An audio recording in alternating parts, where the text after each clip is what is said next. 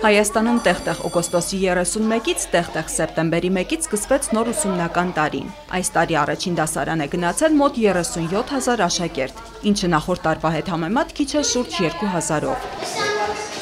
Եկել գրքերը, դասարանը, նկարները։ Այսօր այսօր ինչ եք արել դասարան։ Խոսել ենք։ մի ուսիկրի։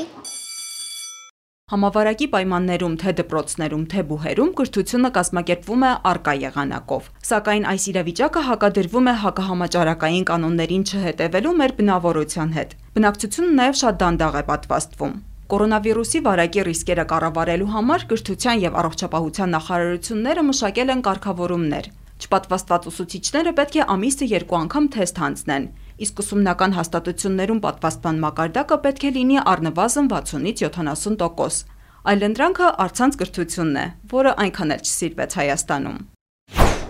Civitas հիմնադրամի այս տարվա մարտին իրականացրած հետազոտության համաձայն հարցվածների 41%-ը հերավարկրթության մեջ առավելություն չի տեսել։ Կեսից ավելին հերավարկրթությունը չի դիտարկել որպես նոր հմտություններ ստանալու հնարավորություն։ Ավելին 65%-ը չէր ցանկանա համավարակից հետո հերավար կրթության տարեր տեսնել դասապրոցեսում։ Իսկ թե ինչու այսքան չսիրվեց արցանց կրթությունը, բարձաբանում է կրթության փորձագետ Աննա Գևորքյանը։ Սկսած նրանից, թե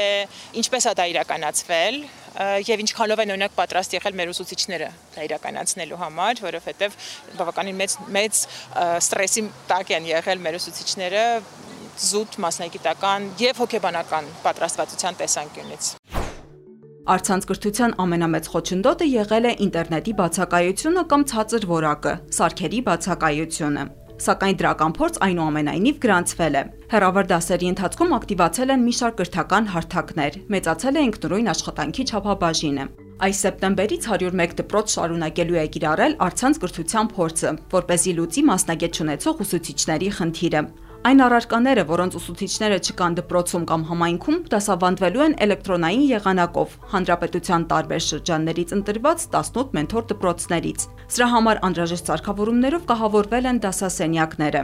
Այս եւ մի շարք այլ դրական արդյունքներից բացի հերավար կրթությունը ունեցել է նաեւ բացասական ազդեցություններ։ Կրթությունից դուրս է մնացել աշակերտների 20%-ը, շուրջ 23000 երեխա։ Կրթության փորձագետ Աննա Գևորքյանը դուրս մնացածների 3 հիմնական խումբ է առանձնացնում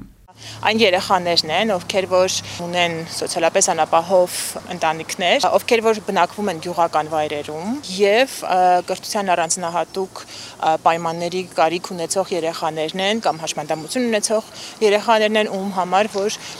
արցանց կրթությունը մի փոքր խաթարել է իրենց կրթության ստանալու իրավունքը։ Երեխաները ճիշտ է ավելի քիչ թվով, բայց հանրակրթությունից դուրս են մնում նաև ոչ համապարակային պայմաններում։ Նախորդ ուսումնական տարում հանրակրթությունից այս կամ այն պատճառով դուրս է մնացել 160 երեխա։ Ըստ կրթության կառավարման տեղեկատվական համակարգում արկա տվյալների ամենահաճախ հանդիպող պատճառը ծնողների թույլ չտալն է։ Նման դեպքեր ամենաշատը գրանցվել են Արմավիրում։ Հաջորդ մեծ պատճառը սոցիալ-տնտեսական վատ պայմաններն են։ Այս պատճառով ամենաշատը աշակերտները դուրս են մնացել Կոտայքում։ Երրորդ մեծ պատճառը մահացությունն է։ Վերջում խոսենք նաև մի քանի մտահոգիչ թվերի մասին։ Կրթության տեսչական մարմնի 2020-ի ստուգումների տարեկան ծրագրում ներառված 9 դպրոցում իրականացված ստուգումների ընթացքում տրվել են գրավոր աշխատանքներ։ Մաթեմատիկա առարկայի գրավոր աշխատանքի միջին գնահատականը կազմել է 10-ից 4 միավոր, անբավարար է գնահատվել 47%-ը, գերազանց 5-ը։ Հայոց լեզու առարկայի դեպքում թելադրության միջին գնահատականը կազմել է 10-ից 5 միավոր, անբավարար է գնահատվել 35%-ը, գերազանց 11%-ը։ 2019-ի համեմատ միջին գնահատականը 2020-ին նվազել է թե հայոց լեզու, թե մաթեմատիկա առարկայի գրավոր աշխատանքի դեպքում։ Այս թվերի մասին մտածել է պետք։